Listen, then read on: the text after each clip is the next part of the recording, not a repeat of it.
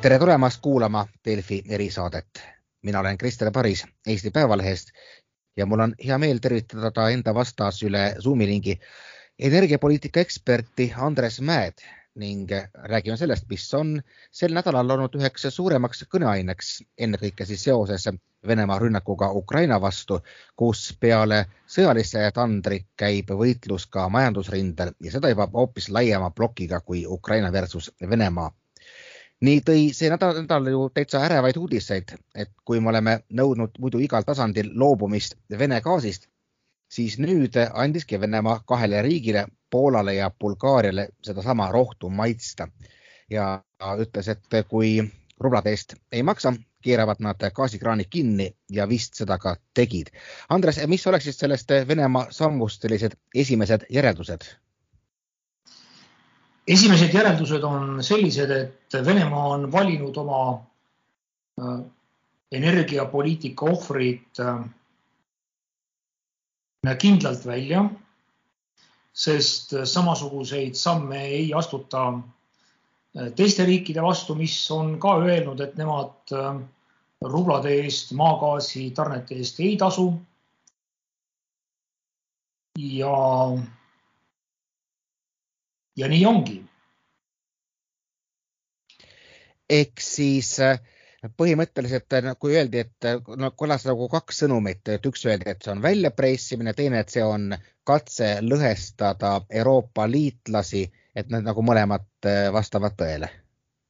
ja tegemist on Venemaa šantaažiga ja kasutatakse selleks šantaažiks siis gaasitarneid mm. -hmm. et kuivõrd noh, tugevasti see nüüd neid kahte riiki konkreetselt mõjutab. ma olen nagu kuulnud, et poolakad ütlevad, et pole hullu, saame hakkama.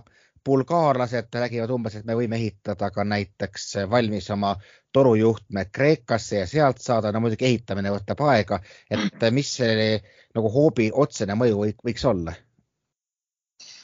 no tõenäoliselt saavad poolakad tõesti kergemini hakkama, ehkki praegu tänased andmed näitasid seda, et äh, Poola impordib maagaasi Saksamaa kaudu, äh, siis need kontrolljaamad, mis on Valgevene piiril, kaks tükki ja see kontrolljaam, mis on Ukraina piiril, need mõlemad näitasid, et maagaasitarneid ei toimu. aga üle Saksamaa tuleb maagaasi Poolasse sisse küll. Äh, Poola maa-alused hoidlad on täis umbes kuskil kolmveerand nii et põhimõtteliselt äh, nad peaksid kuni sügiseni saama rahulikult oma gaasitarned kaetud, neil on ka LNG terminal. hädapärast saavad nad kasutada ka Leedu terminali. Poola on enam-vähem äh, oma lubadusi täitmas, et nad saavad ilma Vene gaasita hakkama. Bulgaarial on raskem ja on raskem sellepärast, et see toru, mis läheb Kreekasse, selle läbilaskevõime ei ole nii suur, kui Bulgaarial vaja oleks. Bulgaarial on sõlmitud tarnelepe Aserbaidžaaniga, aga otse üle Türgi nad seda Aserbaidžaani gaasi kätte ei saa, sellepärast et Gazpromi tütarfirma, kes siis seal Türgis ja Bulgaarias tegutseb, on selle ülekandevõimsuse Türgi ja Bulgaaria vahel aasta lõpuni reserveerinud. no mis tähendab seda, et juhul kui Bulgaaria firma Bulgargas tahab Aserbaidžaani gaasi kätte saada, siis ta peab tegema seda Türgi ja Kreeka kaudu. Äh, Bulgaaria maa-aluste hoidlate suhtes ma väga kindel ei oleks. mul ei ole praegu väga täpseid andmeid, aga ma tean seda, et need varasemad Vene ja Ukraina gaasitülid, mis olid kaks tuhat neli, kaks tuhat viis ja kaks tuhat kaheksa, kaks tuhat üheksa, olid Bulgaaria jaoks kõige äh, raskemad mm. -hmm. aga mis kõik need äh, varasemad lepingud nagu praeguses kontekstis tähendavad, et on reserveeritud ja puha, need kõik ju tehti enne sõja algust. ma saan aru, et sellised sanktsioonide pakettidega äh, ega muud kokkulepitud meetmed pole nagu neid asju üldse mõjutanud?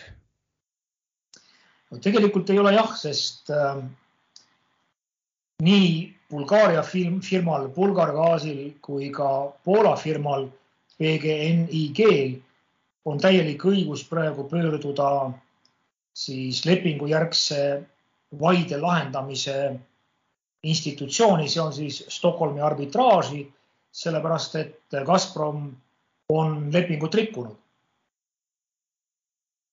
mõlemad firmad on tasunud maagaasi eest ja see, et Gazprom seda tasu või makset ei aktsepteeri, on Gazpromi mure. nii et äh, põhimõtteliselt on see õiguslik vaidlus.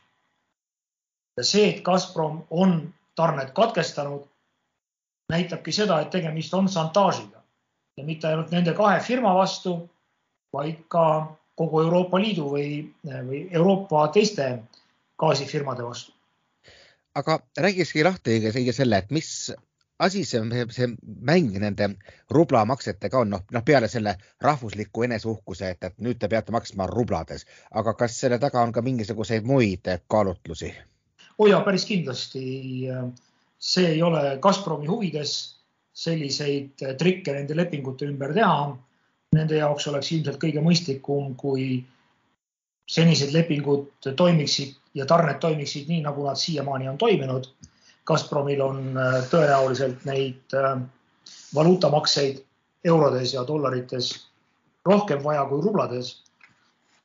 ja mitte sellepärast, et Venemaa keskpank selle rubla kurssi praegu kunstlikult kinni hoiab, vaid puhtalt sellepärast, et juhul kui Gazpromil peaks olema vaja mingeid äh, seadmeid osta välismaalt, siis tõenäoliselt tahetakse tema käest eurosid ja mitte neid rublasid. nii et Äh, selle taga on poliitilised kaalutlused ja üks kaalutlus, mis minu arvates mm, selliseid äh, käike ajendab, on see, et äh, Venemaa võimudel on väga vaja, et vähemalt üks pank ja see on siis Gazprom pank, oleks vaba mis tahes sanktsioonidest. Et selle panga kaudu oleks võimalik teostada neid arveldusi, mida Venemaa oligarhidel, Venemaa eh, tippjuhtkonnal on vaja selleks, et oma varasid, mis on välismaal, siis manageerida või, või hallata. Nende varade ülalpidamine eeldab teatud kulusid. Nende kulude katmiseks on vaja maksta raha ja seda raha tuleks teha ühe Venemaa panga kaudu kasvõi näiteks no selleks, et vabastada mingid summad kas Šveitsi või mõne siis offshore'i pangas. no ja ma mäletan ka, kui need sanktsioonid tulid üldse esimesena kõne alla, aga ka pankade näiteks väljalülitamine SWIFTist, siis oli ka üks argument, et aga kuulge, kui me kõik pangad kinni paneme nii-öelda lääne jaoks, siis kuidas saab Saksamaa üldse maksta üldse enda, enda gaasitarnete eest. Noh, nüüd ju ka selle rubla šantaaži puhul või kui nii-öelda on ju ka selliseid blokaadimurdjaid ja üks kõige markantsemaid on Ungari, kes on minu teada andnud mõista, et ega nendel poleks midagi selle vastu, kui, kui venelastele vastu tulla, et, et kuivõrd noh, üldine selline Euroopa Liidu sanktsioonipoliitika seda praegu üldse mõjutab? no neid rullamakseid Euroopa sanktsioonipoliitika ei mõjuta, sellepärast et Äh, äh, energiatarned või, või kütusetarned äh, ei ole sanktsioonidega piiratud või karistatud. küll on aga karistatud või piiratud sanktsioonidega siis mitmesugused finantstehingud. näiteks laenude andmine on piiratud kolmekümne päevaga ja sellepärast neid, selle rubla maksete ümber see tants või, või poleemika käibki, et juhul, kui Euroopa firma näiteks tasub siis nüüd uute reeglite järgi, nii nagu need Venemaa presidendi dekreedis number sada seitsekümmend kaks on kehtestatud, mm, siis võib juhtuda, et Venemaa keskpank äh, ei konverteeri neid eurosid, mis Gazprom panki arvele on maagaasitarnete eest laekunud kolmekümne päeva jooksul, vaid näiteks kuuekümne päeva jooksul. ja sel juhul on tegemist eh, juba kahe tuhande neljateistkümnendal aastal kehtestatud sanktsioonide rikkumisega. ja sinna ei ole Euroopa energiafirmal, kes on siis Gazpromile maagaasitarnete eest tasunud, mitte midagi teha. tema on oma makse ausalt teinud, aga see konto, mille kaudu ta seda makset on teostanud, on tegelikult tema vastutuse all. ja juhul, kui konverteerimine eurodest rulladesse toimub hiljem kui kolmkümmend päeva, siis on see Euroopa energiafirma sanktsioonide rikkuja. sisuliselt pannakse ta sellega löögi alla ja põhimõtteliselt on tal õigus sellistest maksetest taganeda. nii et põhimõtteliselt saab siis Venemaa karistada Euroopa seaduste abil enda käitumisega Euroopa firmasid aga. tegelikult on selle asja mõte see, et need Euroopa firmad võitleksid Gazpromi asemel Euroopa Komisjoni või teist Euroopa liikmesriikide, Euroopa Liidu liikmesriikidega, et taolised sanktsioonid tühistataks mm. -hmm.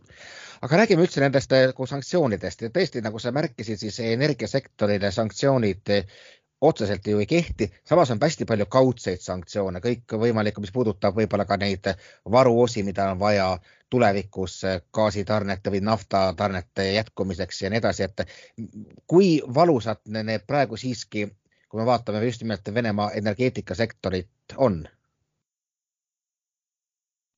no maagaasi osas eh, need sanktsioonid, nii varasemad kui ka, kui ka praegused või uued erilist mõju avaldanud ei ole.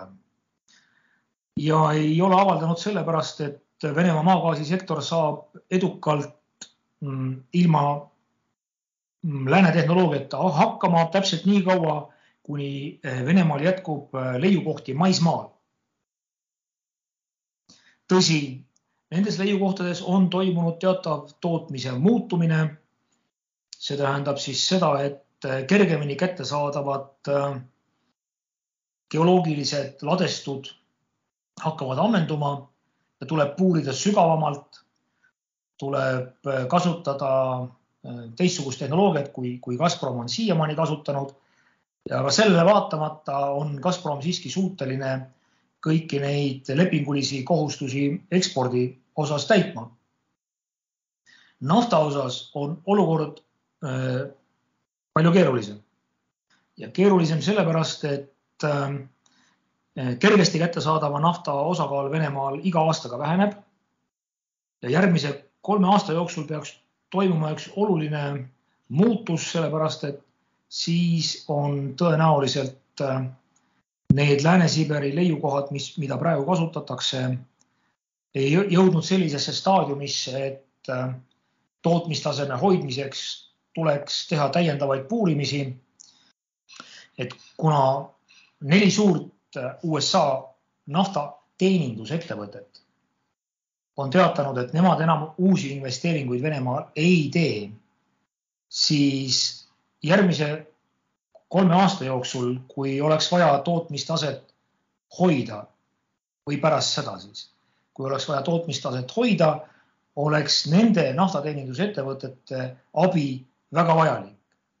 ja kui nad neid investeeringuid ei tee ja siis seda abi ei anna, siis peaks Venemaa nafta tootmise tase oluliselt kukkuma mm. -hmm. mul tekkis just küsimus selle peale, vaata, kui nüüd noh, venemaalased on andnud umbes mõista, et aga oma sammudega nüüd reaalselt, et hea küll kui ta, kui ta ei taha, noh, ka meie võime panna gaasitarne kinni. kuidas see nagu tehnoloogiliselt on, et noh, gaas tuleb sellest maardlast välja, kas sa saad toru, toru kinni panna või hakkab ta kuskil lõpuks nagu paisuma ja survet avaldama ja mingi asi läheb, läheb lõpuks lõhki, et sa tegelikult pead seda kuskile tarnima? ei, ei, gaasi osas tegelikult äh, see asi nii kriitiline ei, ei ole, sellepärast et geoloogiline surve võimaldab äh, vähemalt olemasolevates leiukohtades seda mm, puurauku sulgeda küll. no eh, seda on vaja kas praktiliselt kasvõi sellepärast, et eh, kui sul on vaja eh, kas mõnda torujuhet või siis mõnda seadet, mis ühe konkreetse puuraugu on seotud, kas remontida või uuendada, siis sa pead paratamatult selle gaasivoo seal sulgema.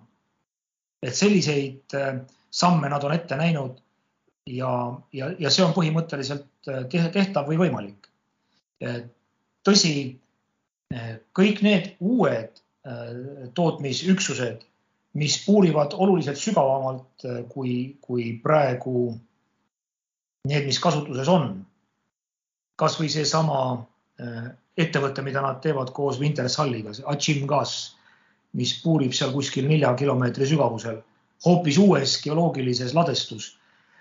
et äh, väga võimalik, et seal niisama lihtsalt küsimus ei ole mitte sulgemises, vaid selles, et äh, tegemist, seal on, ladestu on teistsuguse geoloogilise struktuuriga ja seal tuleb kasutada kilda lõhustamist ja seal tuleb võib-olla puurida puurauke rohkem juurde. et väga võimalik, et seal see sulgemine mm, viib selle puuraugu noh rivist välja ja, ja ilma uusi puurimata tootmistaset hoida ei ole võimalik. Aga maagaasi osas põhimõtteliselt peaks olema eh, Gazpromil nii-öelda kergem. aga ei maksa unustada seda, et maagaas on tegelikult Venemaa ekspordis küll oluline, aga see pole võrreldav ei nafta ega naftatoodete ekspordiga. Need on ikka suurusjärgu suuremad äh, tuluallikad kui maagaas. Kui, kui tõsised, tõsised on Venemaa ähvardused, et või noh, ähvardused, aga siis ähm, nagu mõttemängud, et hea küll, kui Euroopa ei, ei taha, tahab Hiina, et noh, Hiina kindlasti gaasi on vaja, aga kuivõrd äh, kergesti see oleks ümber suunata kõik sinnapoole ei, see ei ole, see, see ei ole üldse kergesti ümber suunatav. Ähm, Venemaa maagaasisüsteem on üles ehitatud torujuhtmetele põhi, mm, suures ulatuses ja see, see torujuhe, mis praegu läheb Hiina ja see, mis sinna kõrvale kavatsetakse alles rajada, on jällegi suurusjärgu võrra väiksem kui, kui see, mis läheb Euroopasse. nii et ähm, sellist asendust Euroopa versus Hiina Gazpromi teha ei ole võimalik, rääkimata sellest, et Hiinat varustatakse hoopis teiste leiukohtade maagaasiga kui see, mis tuleb Euroopasse. kui me nüüd räägime torujuhtmetest, siis üks ehitus, mis jäi täpselt sõja algusega siis noh, umbes viimasel kilomeetril seisma, oli Nord Stream, et mis see siis tähendab, nüüd ongi lihtsalt miljardid maetud merepõhja ja suure tõenäosusega see toru lähematel aastakümnetel ei täitu. sa mõtlesid Nord Stream kahte? Kahte, Nord Stream kahte täpselt jah, just. sest äh, olemasolev Nord Stream töötab ja, ja, ja töötab mitte ainult täiel võimsusel, vaid nii-öelda üle nominaalkoormuse, aga tuleme selle Nord Stream kahe juurde e,. jah, tõepoolest hetkeseis on selline, et äh, see, no see kulutatud äh, summavahemik kõigub siin kuskil üheksa koma viiest miljardist kuni üheteistkümne miljardi äh, euroni. aga küsimus ei ole mitte selles rahas, vaid, vaid selles, et, et selle torutrassiga oleks siis Saksamaa ja, ja, ja Kesk-Euroopa riigid oluliselt rohkem seotud olnud Venemaa maagaasitarnetega, kui nad praegu on. ja tõepoolest see torutrass äh, mm, või õieti siis selle torutrassi omanik see on siis Gazpromi tütarfirma, mis on registreeritud Šveitsis, äh, teostab praegu äh, Šveitsi seaduste järgi pankrotiprotseduuri. aga just nimelt tänased uudised näitavad, et äh, on alanud mingi väga kummaline protsess, millele ma tahaksin eraldi tähelepanu juhtida ja see on see, et on äh, väga tugev poliitiline lobi alanud Saksamaal, et see torutrass ikkagi käiku anda. hoolimata kõigest sellest sõjaudust ja hoolimata sellest, et äh, Saksamaa võimud on tegelikult selle torutrassi äh, siis sertifitseerimise peatanud ja minu hinnangul viitab see tugev poliitiline lobi, mis on alanud ka Saksamaa parlamendis, sellele, et tõenäoliselt on äh, kusagil Kremlis langetatud otsus lõplikult sulgeda selle sõja käigus, mis praegu Ukraina vastu käib, Ukraina kaudu tul-, kulgev maagaasi transiit. See muide on hästi huvitav teema iseenesest, et ma just äh,, mulle tuli ka üllatusena mingi paar nädalat tagasi, kui räägite, et kuulge, aga kaks sõdivat riiki, üks maksab teisele gaasi eest, teine maksab esimesele gaasitransiidi eest, kumbki toru ei pommita, et no kuhu see kõlbab üldse, et me, kuidas, kuidas selline asi üldse võimalik on? ei, Ukraina ei maksa Venemaale gaasi eest, sest ta Venemaa gaasi ei osta.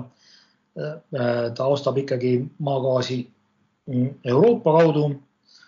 Aga Gazprom transiidi või siis jah, ülekannete eest Ukrainale tasub ja väga võimalik, et praegusel hetkel on jõutud siis Venemaa poliitilises juhtkonnas tõdemuseni, et see äri tuleb äh, lõpetada ja meil on võimalus, ma pean siis silmas Kremlit äh, nii-öelda päästa see projekt, mis sisuliselt on pankrotis.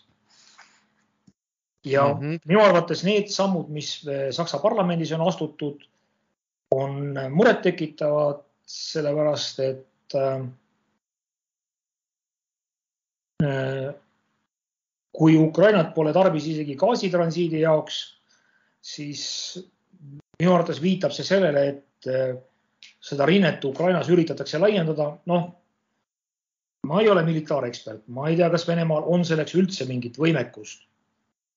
Võib-olla on, aga juhul, kui nad on otsustanud nii-öelda laiema ulatusliku pommitamise kasuks, siis ei saa välistada, et pihta saavad ka need äh, siis äh, pumplad ja, ja mõõtejaamad, mis on Ukraina territooriumil ja sel juhul jääb see gaasitransiit niikuinii seisma. See ei ole mitte kes... homse päeva küsimus, aga väga võimalik, et, et ütleme järgnevatel nädalatel võidakse seda teha. ja seda saab, saab teha ainult sel juhul, kui neil on alternatiivne torujuhe nii-öelda välja pakkuda, sest nagu ma ütlesin, see olemasolev Nord Stream töötab tahes-tahtmata üle nominaalvõimsuse. no mitte palju, aga seal kuskil sada kaheksa, sada seitse protsenti. Ja täiendavat torujuhet on neil vaja.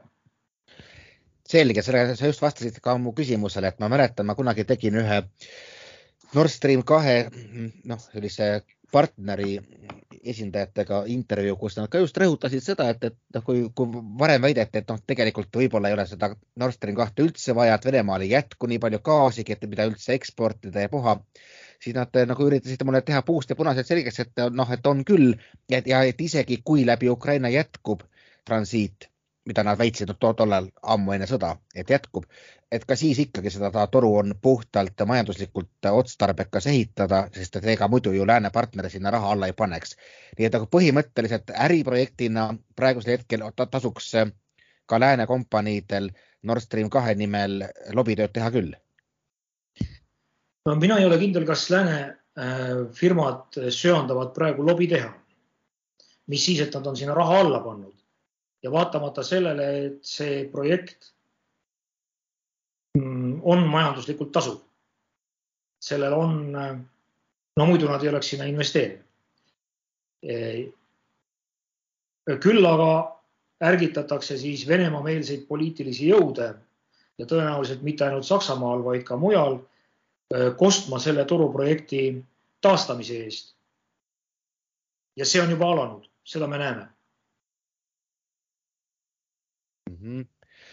ma just lugesin ühte huvitavat äh, artiklit Euroopa Liidu välispoliitika juhilt Josep Borrellilt, äh, kus ta tõi sisse veel ühe nagu dimensiooni, kui praegu käib selline aktiivne otsimine, kus saaks alternatiivselt gaasi sisse osta või kuidas üldse neid ehitada LNG terminale ja puha, siis ta hoiatas selle eest, et kui me niivõrd palju nüüd praegu investeerime alternatiivsetesse kohtadesse, kus tuua sisse maagaasi, siis tegelikult sellega äh, satuvad ohtu rohepöörde eesmärgid, et kui raha on juba nii palju kuskile magama pandud, siis ilmselgelt sa ei taha sellest kohe loobuda, et äh, kas seda saab ka kuidagi võtta praeguse konflikti kontekstis või sa pigem näed seda lihtsalt sellise noh, klassikalise Euroopa Liidu poliitikana? no ütleme, Borrelli avaldust on, on keeruline kommenteerida, aga eh, Euroopas on olnud need LNG terminalid erinevatel aegadel alakoormatud ikka.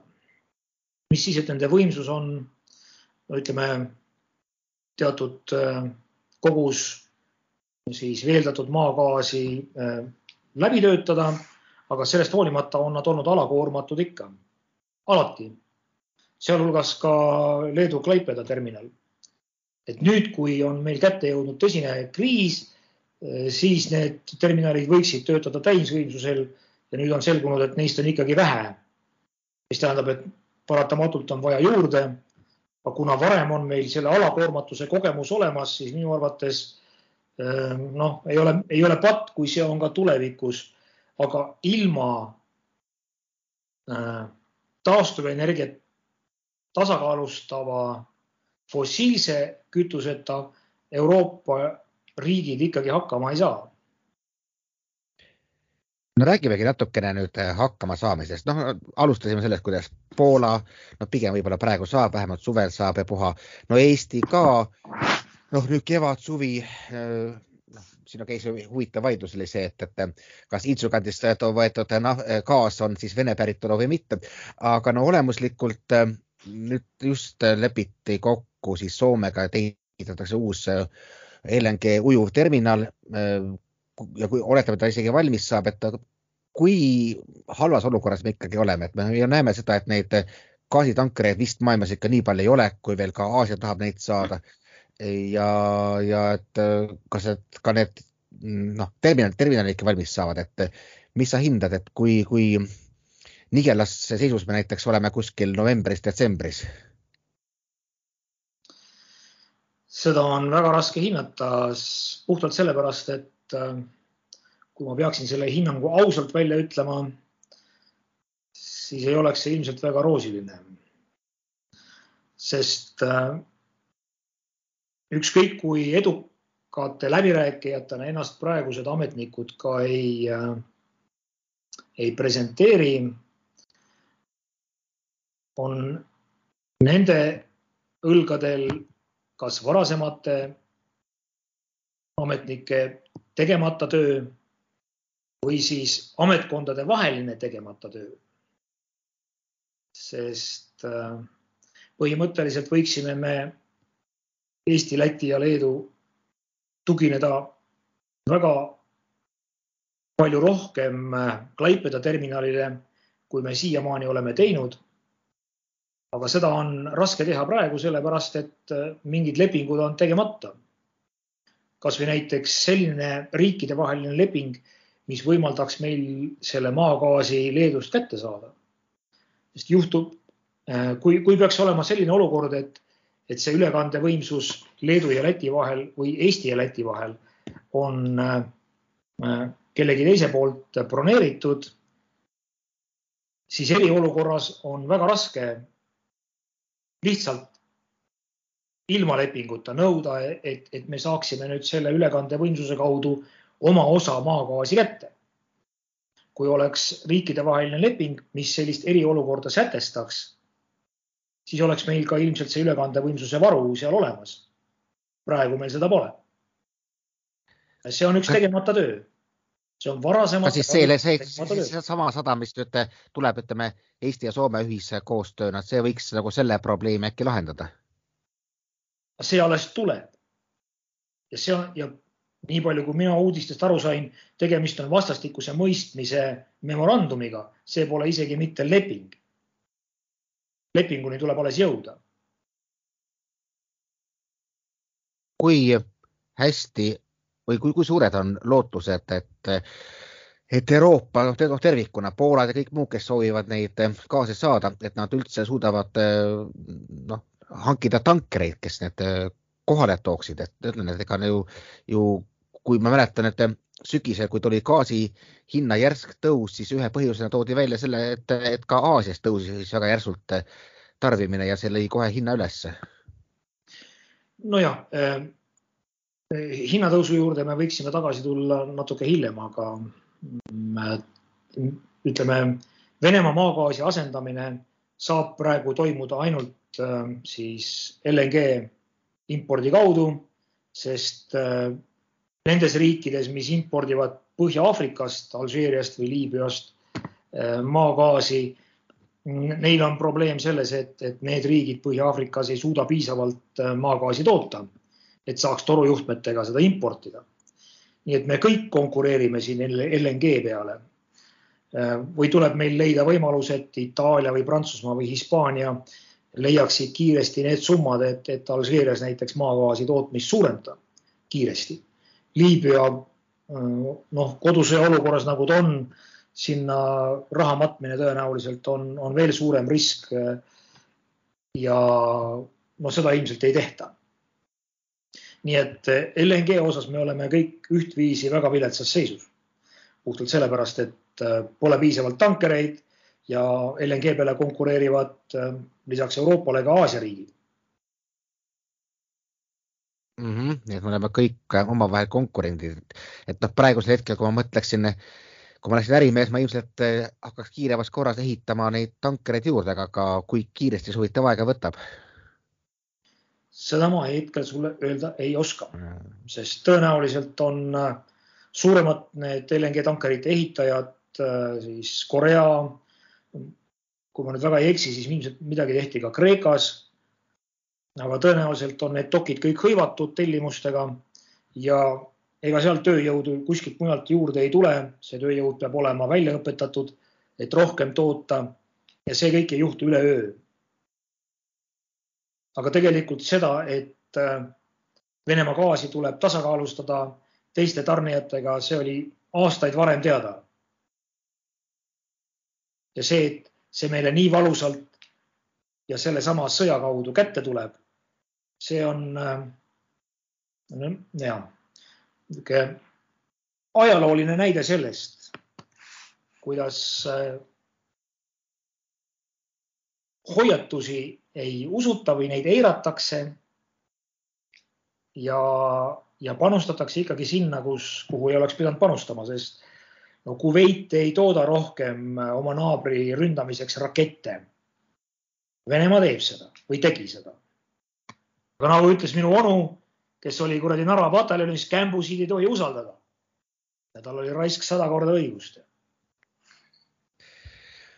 võtame nüüd päris lõpetuseks ette veel ka siis selle teise energiakandja, mille puhul sa ütlesid, et sellest sõltub Venemaa kohe märksa enam. no aga samas jällegi noh, kui me mäletame kasvõi vaadates ka minevikku, kui, kuidas näiteks Iraak või ka Iraan või suutsid sanktsioonidest mööda hiilida, sest ega see musta kulla sisse, kus sa just väga ka ei taha otsida, väga mm, sügavale ei näe, et kust ta täpselt pärit on. et kuivõrd eh, noh, lihtne oleks, ütleme sellist embargot eh, Venemaal vältida, isegi kui see mingisugusel tasandil ja see ei tule ju ÜRO, tasandil välja kuulutatakse Venemaal oleks seda embargot väga raske vältida, sest sinu poolt nimetatud Lähis-Ida riigid, Iraan ja Iraak, hoolimata sellest, et leidus nii-öelda maid, kes olid valmis nendest piirangutest mööda hiilima, siis seda raha, mis neile nii-öelda sanktsioonidest kõrvale hiilitud tarnete eest tasuti, Iraan ja Iraak tegelikult kätte ei saanud need olid suletud äh, siis sellistele kontodele, mis piiras nendel kahel riigil sellele rahale juurdepääsu.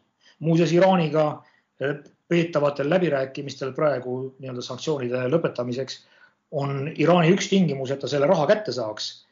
ja enamus sellest rahast on tulnud Hiinast, kellele Iraan sanktsioonidest mööda hiilides seda naftat müüs nii et tegelikult Venemaale ja see, see on ilmselt üks põhjus, mikspärast kogu see tants ümber äh, maagaasi praegu käib.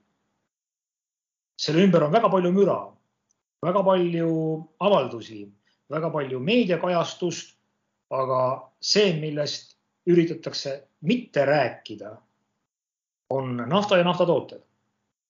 ja see on Venemaale tegelikult oluliselt valusam teema sest erinevalt Lähis-Ida riikidest eh, on Venemaale naftaembargo hukatuslikum, eh, kui ta on näiteks Iraanile.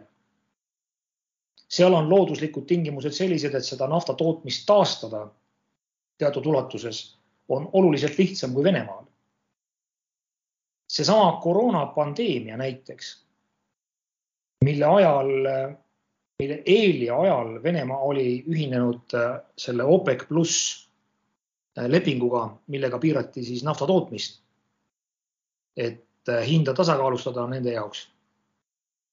Venemaa kaotas ja see on, need on Venemaa ekspertide endi hinnangud umbes kolmkümmend protsenti, kakskümmend viis kuni kolmkümmend protsenti oma puuraukudest. ja väga võimalik, et neid ei saada mitte kunagi tagasi, nende asemel tuleb uued puurida. Ja niikaua, kui Venemaal tegutsesid need naftateenindusfirmad, oli väga võimalik, et seda lihtne teha. nüüd, kus nad uusi investeeringuid enam ei tee, nii nagu nad on lubanud, saab naftatootmise taseme taastamine, juhul kui sanktsioonid peaks jõudma kunagi nafta tootmiseni, saab olema väga raske. Venemaa võib jääda nafta tootmise tasemel kukkuda kuskile, no mitte esi, praegu on ta esimese kolme suure seas, aga siis ta kukub järgmise kolme sekka, võib-olla veel kaugemale. sest sellel võivad olla pöördumatud tagajärjed. Nad teavad seda ise väga hästi ja sellepärast käib see tolmu keerutamine maagaasitarnete ümber ja üritatakse nii vaikselt kui võimalik ja nii palju kui võimalik hoida nafta tootmist ja nafta eksporti elus ja käigus. Siin ei saa kuidagi jätta küsimata, et nagu tuli just nimelt meedia kaudu välja, kuidas Eestisse satub nüüd Vene tankereid veel rohkem kui enne sõda, et noh, mis, mis rolli me nüüd siis Vene nafta ekspordis mängime siin? täpselt samasugust nagu Läti, nagu Ventspilsi segu et äh, siia tuuakse naftat välja nii palju, kui meie mahutid sadamates äh, võimaldavad mahutada ja väga võimalik, et toimub siis äh, tankeritel segamine.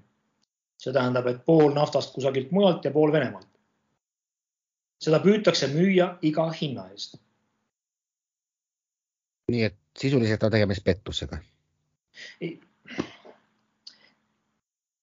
niikaua, kui nafta eksport ei ole sanktsioonidega karistatud ja niikaua, kui see on ainult turujõudude endi mm, otsustada, niikaua see ei ole pettus. juriidiliselt on kõik korrektne. mul on väga halb öelda neid sõnu, aga juriidiliselt on kõik korrektne. selge, ma siis ütlen ise lõpetuseks, et moraalselt see kindlasti korrektne ei ole aga suur aitäh energiapoliitika eksperdile Andres Mäele. mina olen Krister Paris Eesti Päevalehest ja jälle kuulmiseni siis uutes erisaadetes